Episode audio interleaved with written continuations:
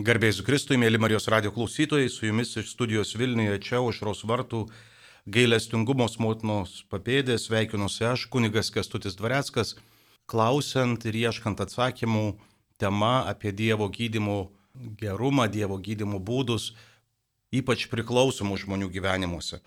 Esu iš bendruomenės, mm, aš esu, kur sveiksta daug žmonių, dėl to toje temoje saugiausiai jaučiuosi ir saugiausiai būnu ir esu pasiryžęs nuoširdžiai dalintis patirtim, žiniomis ar nežinojimu kartu, e, ieškant atsakymų, kurie padėtų mm, tvirtesnį pamatą po kojom, kad tikrai negrimstumėm gilin į nesusikalbėjimus, į susvetimėjimą, į priklausomybės, bet priešingai, kad artėtumėm vienas prie kito ir tuo pačiu prie Dievo, nepalikdami tarp mūsų plyšių, įvairiom emociniam, psichiniam negaliom formuotis. E, noriu e, pradėti sustikimą e, su gydytojo mokslininko ir praktiko Roberto Badaro mintimis apie naują priklausomybės atmainą, kuri galbūt kažkaip lengviau prasklysta mums prokis, neužfiksuota apie priklausomybę nuo legalių medžiagų, ypač nuo vaistų.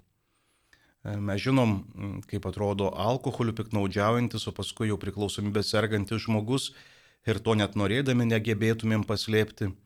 Mes žinom, kaip atrodo priklausomas nuo narkotinių medžiagų vartotojas ir lygai umėjant, e, kaip jį atpažinti, bet turbūt atpažinti priklausomą nuo vaistų yra ženkliai sudėtingiau, juolab, kad ir dalis žmonių ir visuomenės E, tokią problemą mm, neigia, nepripažįsta jos egzistencijos.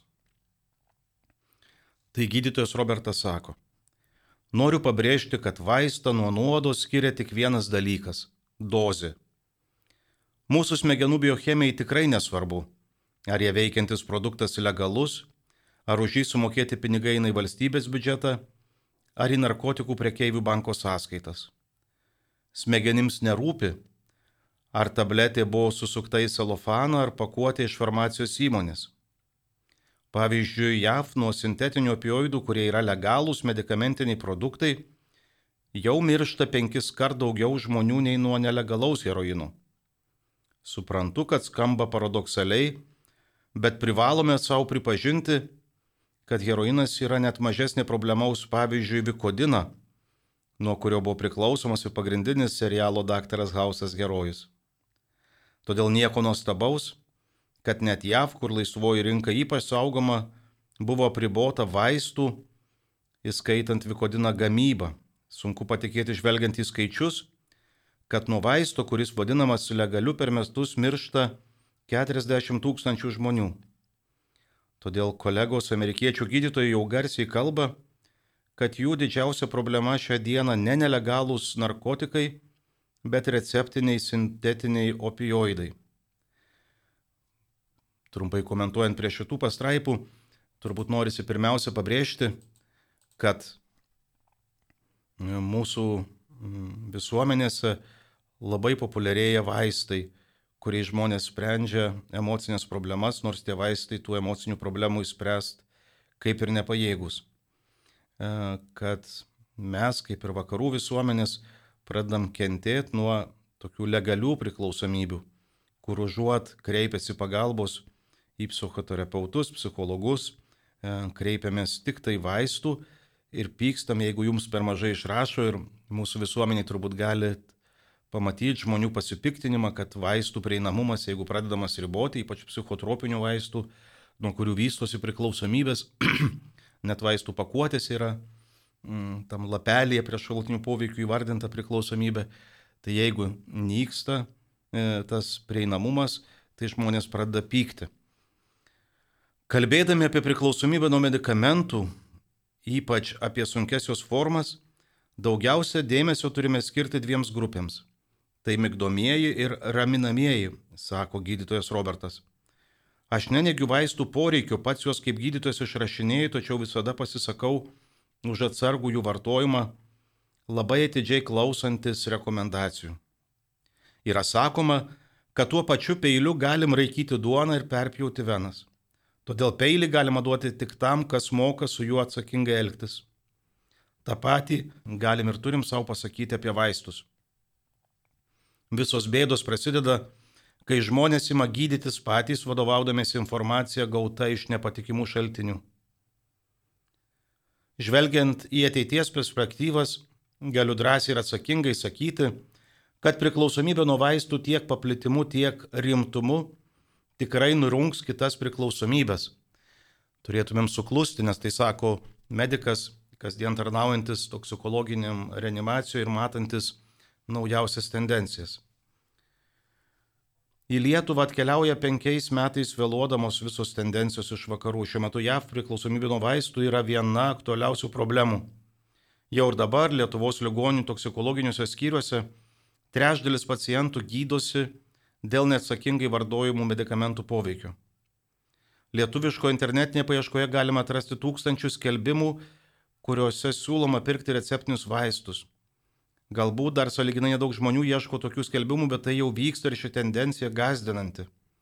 Kasdien savo darbę matau žmonių, kurie suvartojo daugiau vaistų nei reikėjo, nei rekomendavo gydytojas, taip pat matau ir tų, kurie kenčia nuo savigydos padarinių, kurie vartojo nelegalius produktus. Tai nežinau, ar e, jums ši tema aktuali, e, bet mano darbo srity tikrai kažkaip lengvai atsipažįsta, e, kad gydytojas Robertas Badaras kalba apie realybę, kurioje gyvenu ir kuri baugina, kad e, žmonėm, kurie ypač priklausomi nuo medikamentų, yra sunku pripažinti, kad tai jau priklausomybė. Jie sako, taigi iš vaistinės perku. Aišku, norisi kalbant šią temą labai atsakingai pabrėžti, kad turint lygų ir negerti vaistų, kurias skiria gydytojas, taip pat būtų nusikaltimas prieš save ir sveikatą.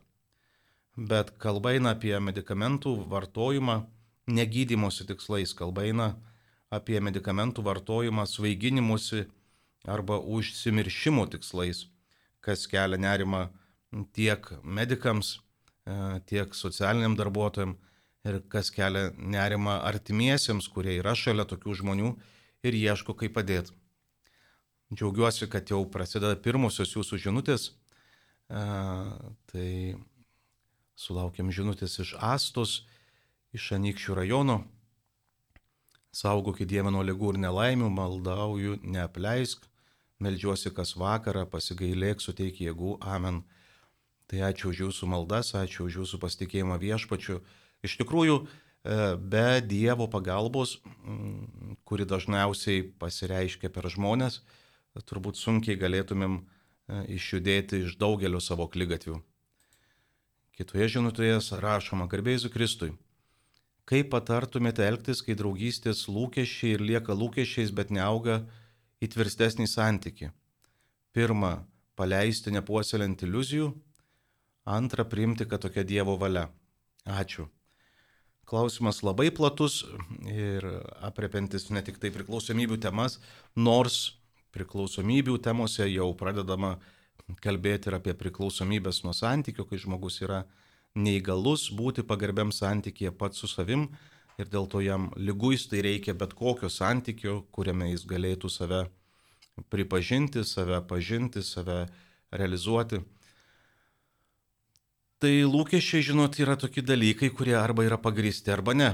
Jeigu mūsų lūkesčiai yra nedekvatus, tai gali būti, kad problema ne kitame žmoguje, o mumise. Bet jeigu mūsų lūkesčiai adekvatus, jeigu mūsų lūkesčiai atitinka Dievo valią, vat, apie kurią jūs kalbat antrajam variante, tuomet turėtumėm nebijoti apie tai kalbėti ir eiti vieni su kitais tol, kol pakeliui. E, kartais iš didelės ten meilės ar prisirišimo ar baimės likti vienam, mes einam su žmonėmis net ir klystkeliais ir netikiu, kad tai būtų Dievo valia. Ne visur mums pakeliui ir ne su visais mums pakeliui. Gali būti, mm, kad santykiuose e, yra mm, laiko ribojimai. Nebūtinai visi santykiai skirti iki, iki pergalės, iki dangaus. Bent aš tikiu ir patiriu, kad kai kurie mūsų santykiai tikrai skirti tam tikram laikui, paėjai tam tikrą gabalą kelio dangaus kryptim. Mm, ir jeigu jau e, ateinam sankryžą, kur keliai sušakoja, tai turim nepamiršti, neįsižadėti mm, savojo pašaukimo, mm, savo sąžinės įkvėpimų, e, neįsižadėti savojo kelio. E, tikrai pasitikėti viešpačiu, kad jis duos žmonių, su kuriais mums pakeliui. Bet sakau, klausimas bent jau man iš ryto yra kiek per platus, kad galėčiau mm, be baimės interpretuoti ir nert atsakinėti, nes jie gali būti ir visai, visai kit, kit, kit, kitas turinys tam klausime. Dar sulaukim vieno klausimo, kuris šiek tiek platesnis. Sveiki, trukdo jūs mokytoje. Turime mokykloje besivystančią problemą su žolės vartojimu mokinių tarpe. Pamenu, anksčiau būdavo vykdomi susitikimai su vartojusiais asmenimis, kurie pagyjo ir dalinasi savo istorijomis. E, galbūt galima tokias veiklas vykdyti ir mūsų mokyklai. Arba gal galite rekomenduoti įstaigą, kuri tai daro. Labai ačiū už klausimą, jis labai jautrus ir ne vienareikšmis. Pirma, ką norisi pasakyti, tai ši priemonė nebūtinai yra prevencinė, ir nebūtinai yra paveiki. Mokiniai, jauni žmonės girdi nebūtinai tai, kas yra sakoma. Dažnai, kaip sakot, pagyja žmonės, čia atskiras klausimas, galėsim ir prie jo truputį staptelti, e, nėra pilnai pagyja, nes priklausomybė nėra pagydoma lyga, su ją galima išmokti e, sveikai ir laimingai gyventi, e, ją gerbent ir neleidžiant ją imti viršaus bet griežtąją to žodžio prasme nepagydoma. Tai kai ateina tokie žmonės į mokyklas, pasakoja jaunatviškas savo istorijas, e, dažnai, kai teko kalbėti su jaunimu, jie išgirsta ne kažką baisaus, o priešingai. E, jie išgirsta padrasinimą, kad vad, gali sustoti.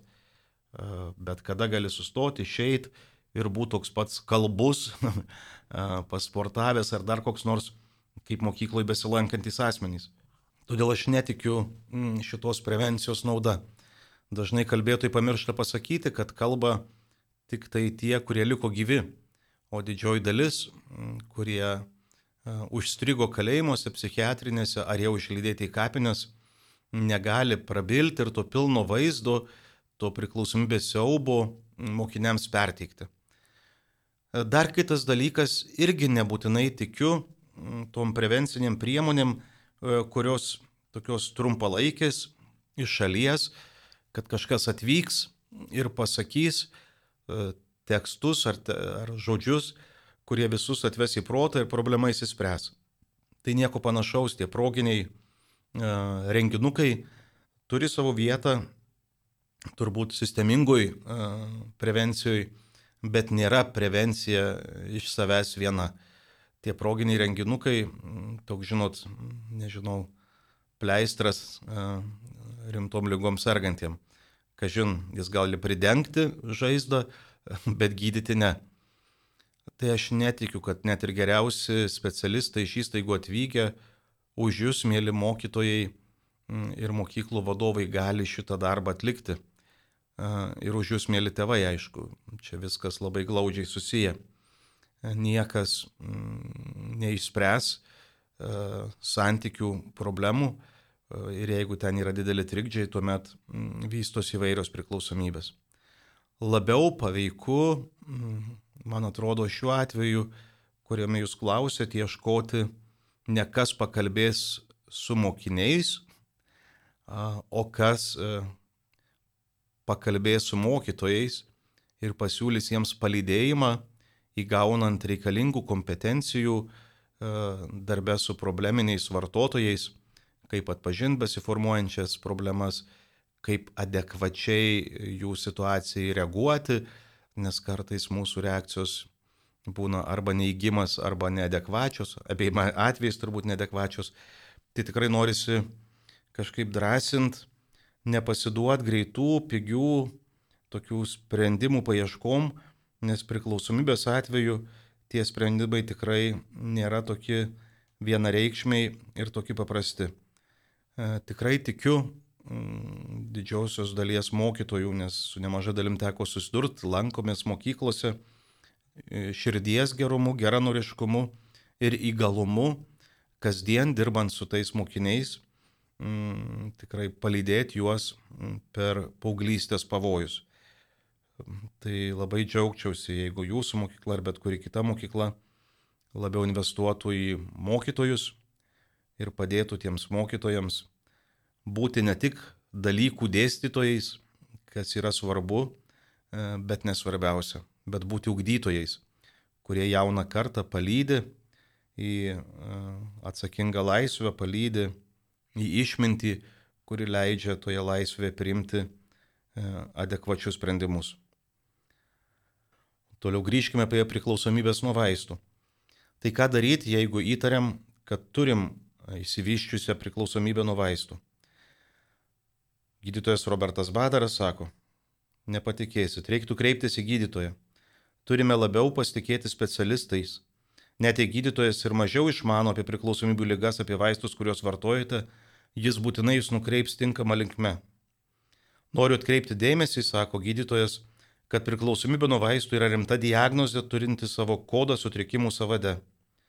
Tik pačiam pacientui labai sunku tai pripažinti. Čia kaip ir kitų priklausomybių atveju. Net esant akivaizdiems ženklams, jiems vaistų vartojimas sukelia neigiamų padarinių, žmogus tai neigia ir kartoja, kad jis vaistus vartoja kaip pagalba.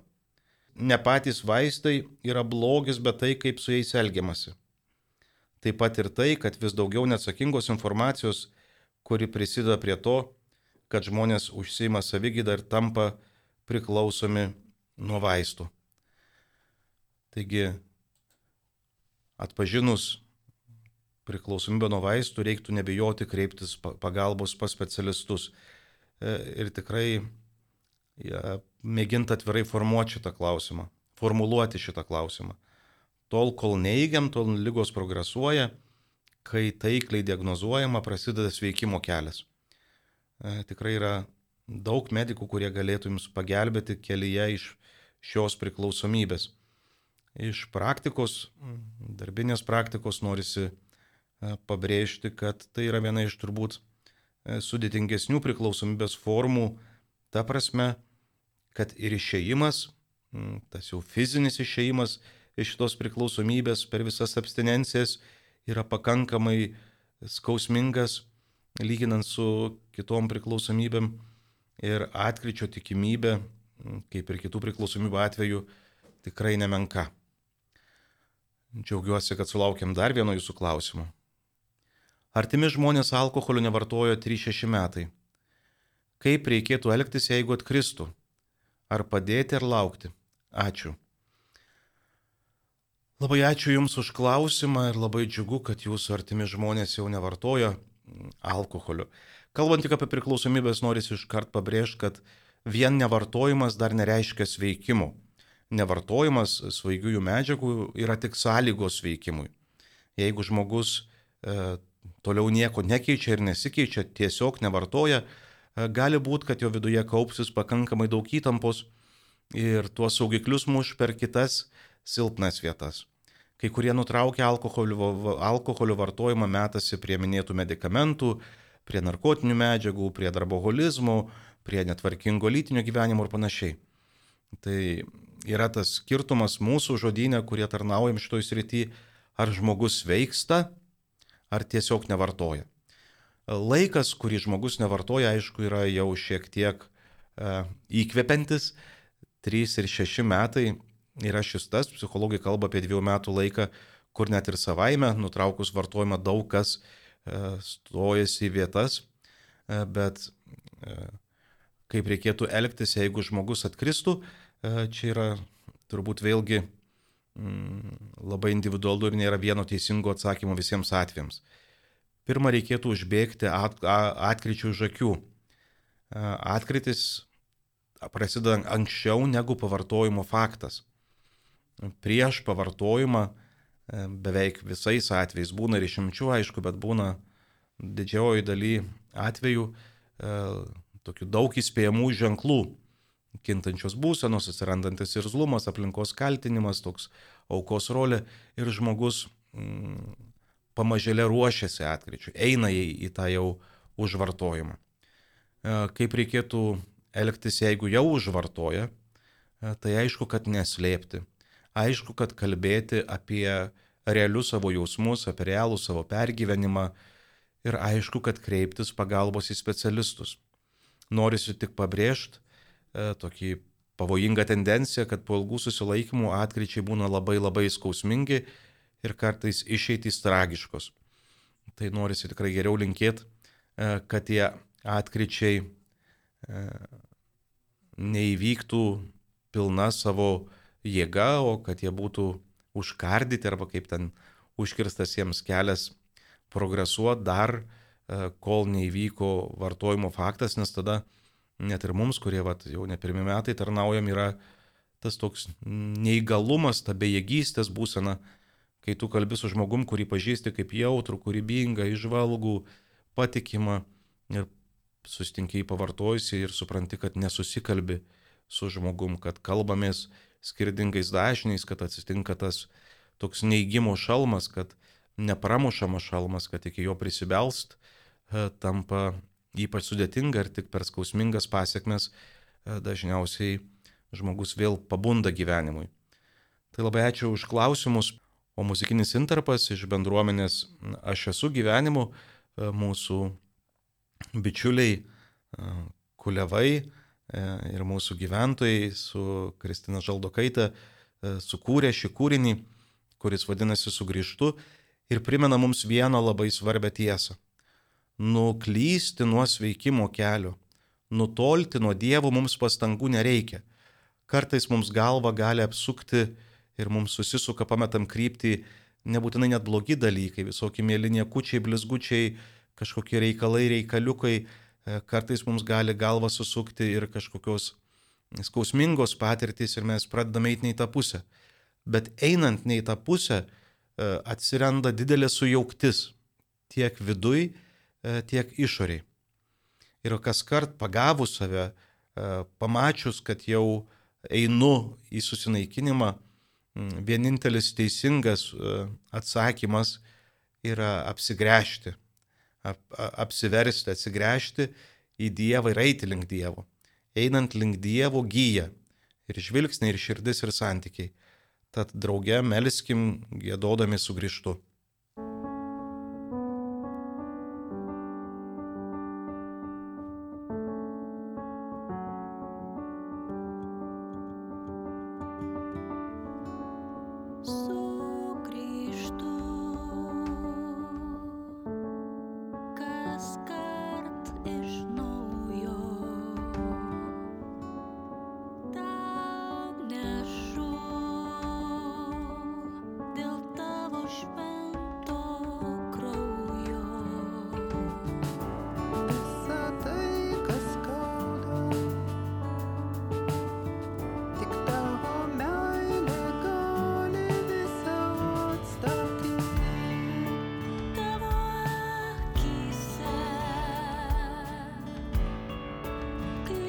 answer.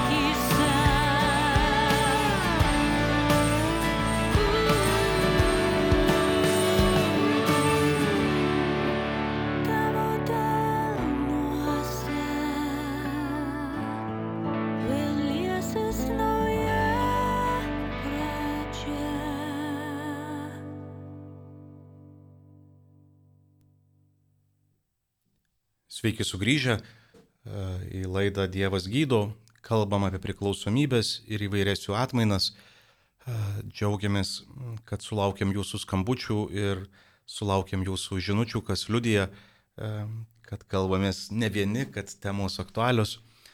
Tai tęsime jūsų žinučių apžvalgą, bet pradžiai skambutis. Irena iš Kauno. Garbėjas. Per amžius amen. Aš esu onkologinė ligonė ir nu, naudoju klozepaną, man išrašydavo gydytoja šeimos ir aš lankiausi psichikos centre, bet dabar jos sako, kad negali išrašyti, nes nuo Liepos mėnesio nu, jau ne, ministrų įsakymas yra, kad nu, ne, negali išrašyti žodžių ir aš jau nežinau, ką daryti, nes aš dešimtmečiais naudoju jau tą klozepaną. Mhm. Ką jūs man patarite? Labai ačiū už klausimą ir aš manau, kad su ta problema susidurėt ne jūs vieno, tikrai uh, šimtai ar net tūkstančiai mūsų kraštiečių. Tikrai iki šio laiko buvo labai lengva ranka išrašinėjami psichotropiniai, stiprus psichotropiniai raminamieji vaistai uh, net ir žmonėms neturintiems rimtų diagnozių. Tai žinot, jūs minit, kad onkologinė lyga E, tai aišku turbūt, kad priežasčių ir baimintis ir, ir ramintis tokiais būdais tikrai buvo, bet kai tos priežastys atsitraukė, panašu, kad ilgai neturėtumėm prie jų likti. Turbūt yra ta problema, kad mm, nėra kažkokio pereinamo laikotarpio arba kažkaip kitaip, bet jeigu paskaitytumėt ir vaistų tuos lapelius, pamatytumėt, kad dešimtmečiais jų vartot negalima. E, tiesiog negalima kad yra farmacijoje tikrai kitų medikamentų, kuriais galima keisti, laiptuoti, išeidinėti. Tik tai, kad tie gydytojai, sakot, va, šeimos gydytojas, tikiu, kad geranoriškas žmogus, bet neturėtų piknaudžiauti psichotropiniais vaistais. Tai va, kad kaip lengvai įveda ir uh, padeda kelti dozes, kad, kad pasiekt norimą būseną, tai išves tai paprasta nėra. Tai ką rekomenduočiau, uh, tai susisiekti, uh, jeigu tik sveikata leidžia, pavyzdžiui, su toksikologais iš Lasdino ligonės Vilniaus registruoti konsultacijai. E, dažnai rekomenduoju, dažnai pats užregistruoju, ką nors. Tai tų vietų yra, galbūt ne šią savaitę, o kitą. Ir tikrai visi, bent jau Lasdinuose dirbantis mm, toksikologai labai jautrus vaistų temai ir skiria tų medikamentų, kurie tikrai būtini arba keičia vienus kitais. Ir tada jau e, įvertinus jūsų konkrečią e, situaciją, galės atsakyti labai taikliai ir kompetitingai. Ar reiks e, atsigulti į ligonę, kad truputį pakoreguoti medicamentinį gydimą į jų skyrių turiuomenį, ar galės e, pagelbėti jums ambulatoriškai keičiant vaistus. Blogiausia, ką turbūt galėtumėm padaryti, tai ieškoti nelegalių būdų norimiems svaigalams įsigyti ir tada tapti dar ir nusikalteliais. Ir taip tęsti uh, E, savo problemas. O jeigu situacija bus tokia, kad jums tie vaistai, apie kuriuos kalbat, kurių pavadinimo nenoriu minėti, kad nereklamuot, bet jeigu nus, paaiškėtų, kad jie jums reikalingi, tuomet nebus problemų, jie bus išrašomi tik jau ne šeimos gydytojo, psichiatro, kuris prižiūrės, kaip tie vaistai jūs veikia, e, prižiūrės tinkamą dozuotę ir taip toliau. Tai ačiū už klausimą ir tikrai stiprybės veikstant. Dar keletą žinučių. E, garbėsiu Kristui, ar turi reikšmės normaliam mąstymui ir sukylančiom piktom emocijom dažnos sunkios operacijos su narkoze. Ačiū. E, tai žinot, narkozių yra įvairių ir ten naudojami taip pat e, naudojamos cheminės priemonės įvairios ir aišku, kad po narkozės gali būti tam tikras tam padidėjęs jautrumas ar kiti dalykai, bet to pernelyg sureikšminti nereiktų. Vat kaip gydytojas Robertas minėjo knygoje Nepasmerkti, kurią šiandien cituoju, tai norisi primint, kad pati medžiaga nėra problema, kad va, tą vaistą nuo, dozės, nuo, nuo nuodo skiria dozė. Tai, e, taigi netyčia ieškom operacijų, netyčia dar kažką, bet kai jau reikia operuoti ir duoda narkozę, tai tas šalutinės pasiekmes, pakilusi jautrumą ar ten dirglumą, kuriam laikui galim e, tikrai priimti už tai, kad išgyventumėm. O jeigu juose užstringam, tas mąstymas, sakot, silpsta ar ten emocijos mm, sunkios ir zlumas, tai reiktų nebijoti kreiptis pas psichologus. Galbūt ta narkozė, kaip sakot, arba ta būsena tik parodo, kad yra kitų dar klausimų, kuriuos galim ir turim spręsti, kuriuos turim atkreipdėmėsi. Dar vienoje žinutėje slypi klausimas, kuriam atsakyti turbūt pritrūksiu kompetencijos, bet rizikuokim. Sveiki. Ar pavojingas CBD 5 procentų kanapių aliejus kaip raminanti priemonė? Tai kaip minėjau, galiu pritrūkti kompetencijos, nes nevartoju jokių dabar medžiagų, bet jeigu gerai suprantu, tai marihuanoj, žoliai, taip vadinamoj, tai, ko ieško priklausomi žmonės, yra ne CBD, o yra THC, ta kvaitulį duodanti, kvaitulio efektą duodanti medžiaga. Tai panašu, kad tas aliejus, apie kurį jūs kalbate ir kuris skirtas mm, imunitetui stiprinti ir ten kažkaip mm, kitiem tikslam siekti, neturėtų kelti didelių problemų, bet vėl mm, negalim labai taip žinot atsakyti, kad geras bet kokiu atveju. E, čia vad, kur minėjau apie peilį. Taip, gydytojas Robertas. Tai peilis yra geras, jeigu jis protingo žmogaus rankose, o jeigu jis sutrikusio žmogaus rankose, tai pavojingas tai vėl net ir vitaminai, jeigu ir gertumėm neprotingai, tai jie gali būti žalingi, o ne naudingi. Tai kiekvienu atveju tikrai drąsinu kartu su gydytoju Robertu Badaru kreiptis į jūs gydančius medikus, kuriais pasitikit, kad pažiūrėt, ar jūsų sveikatai to reikia ir ar tai yra suderinama su kitais medikamentais, jeigu juos vartojat. Turime dar vieną skambutį. Aldona iš Kauno. Klausom jūsų. Per amžius amina. Noriu patiksyti, nors tai nėra turbūt, nėra minantis vaistai, bet kadangi prakalbot, kad ilgalaikis vartojimas, o ir pati suprantu, kad yra man jau e, maždaug 21 metai, kai tenka vartoti vaistus nuo glaukomos. Jie beveik nesikeitė, tik kad buvo du butelaičiai dabar į vieną sueina. Tai yra dviejai vaistai kad jie man kažkokio tokio kaip būt psichinio ar kito poveikio nėra bet stebint visa tai atsirado po kurio laiko odoj apraiška kadangi skaitant tą instrukciją visur kaip leitmotyvas per visur eina odoj odoj yra tai dabar kaip yra?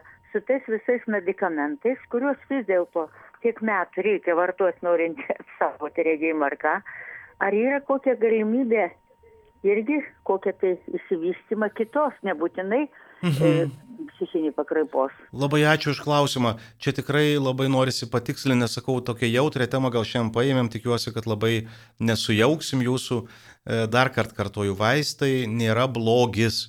Vaistus turim gert e, nuo ten cholesterolių, spaudimų, nuo kitų dalykų.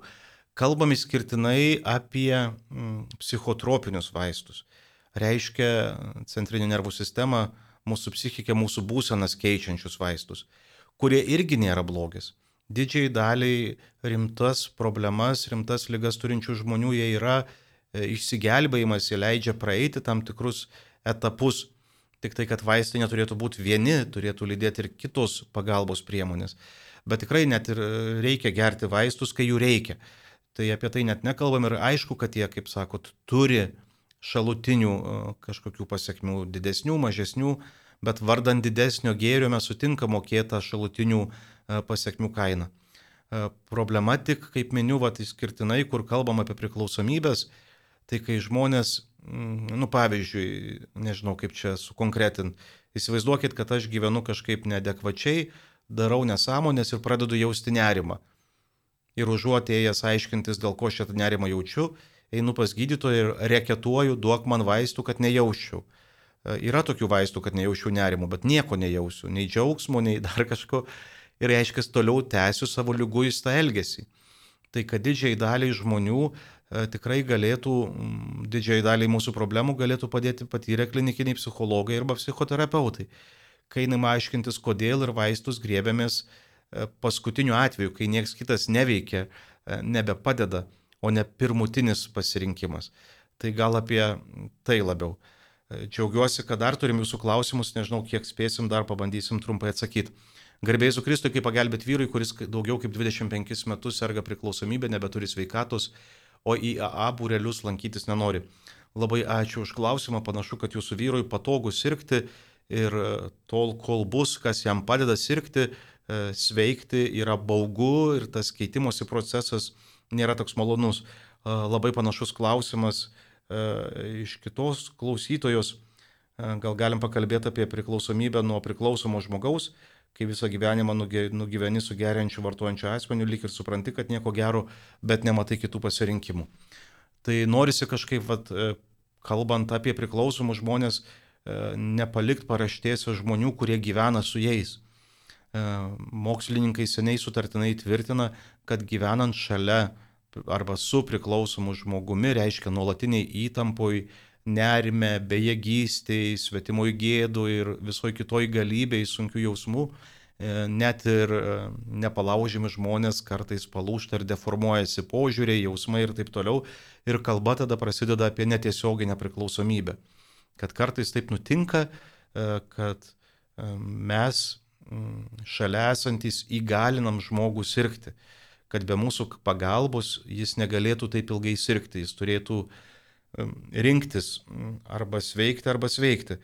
O kol mes aplinkui būdami labai padedam, e, tai tuomet kartais nutinka toks fenomenas, kad net ir išlydėjus mylimą priklausomybininką į amžinybę e, žmogus susirgęs netiesioginę priklausomybę tam, kuriam susiformavo, ko priklausomybė, jis įsirenka kitą vampiriuką, kad gyventų savo įprastą gelbėtojo gyvenimą ir jaustųsi tame, e, kad ir skausmingai, bet svarbus. E, tai norint pradėti sveikimą šeimoje, nes kalbate apie vyrą, tai noriu pasakyti, kad sveikimas gali prasidėti ir nuo jūsų, mėla klausytoja. Jeigu jūs šalia vyro geriančio 25 metus pradėtumėt e, sveikti, jūsų elgesys, o ne žodžiai kistų, tuomet vyras nebegalėtų taip patogiai sirgti. O čia jau ilgas kelias ir vieni mes jo nenueisim, čia mums reikia pagalbos. E, dėl to labai drąsinu susisiekti arba mūsų bendruomenės puslapyje, aš esu bendruomenė.lt atrasti artimųjų e, grupę pirmadieniais, kur renkasi panašias situacijas išgyvenantis asmenys draugė su psichologė, ieškoti jiems asmeniškai tinkamų sprendimų arba paskui sustarti su psichologė ar pas mus dirbančia, ar kitur dirbančia dėl asmeninių konsultacijų ir pačiai palankyti būrelius, ne AA, bet Alanon būrelius, kur renkasi vėlgi žmonės ir savipagalbos būdu, paremdami vienas kitą, ne tik priima sprendimus, bet ir juose išbūna ir tada pamato, kad tie sprendimai turi e, gydančią įtaką ne tik santykiui, ne tik pačiam asmeniui, bet ir tam, e, kurį mylim, tą, kuriam norim padėti. Tai labai ačiū Jums už šiandienos aktyvumą, ačiū už klausimus. Baigiant noriu priminti, kad priklausomybės lyga nėra mirties nuosprendis. Ir kad kelias į gyvenimą tikrai yra. Esmė tik ne į tokį, koks jis buvo, E, kuris susargdino, kuriame įsivystė lyga, bet kaip popiežius e, Jonas Paulius II šventuoju paskelbtas mūsų bažnyčioje mėgdavo sakyti, vesti į tikrojo orumo atgavimą, į tikros savivertės atgavimą. Čia yra sveikimas. E, tai va ir ta tikra sveika savivertė, kylanti iš autentiško santykio su Dievu, e, gali tapti geriausių priešnodžių bet kuriom besiformuojančiom lygom. Ačiū, kad e, buvot. Kviečiu užbaigti e, šį susitikimą pavedant save ir visus, kuriuos mylim, e, Dievo gydančiam veikimui. Tėve mūsų, kuris esi danguje, tiesie šventas tavo vardas, te ateinie tavo karalystė, tiesie tavo valia, kaip danguje, taip ir žemėje. Kasdienis mūsų duonos duok mums šiandien ir atleisk mums mūsų kaltes, kaip ir mes atleidžiame savo kaltininkams. Ir neleisk mūsų gundyti, bet gelbėk mus nuo pikto, nes tavo valdžia ir galybė ir garbė per amžius. Amen.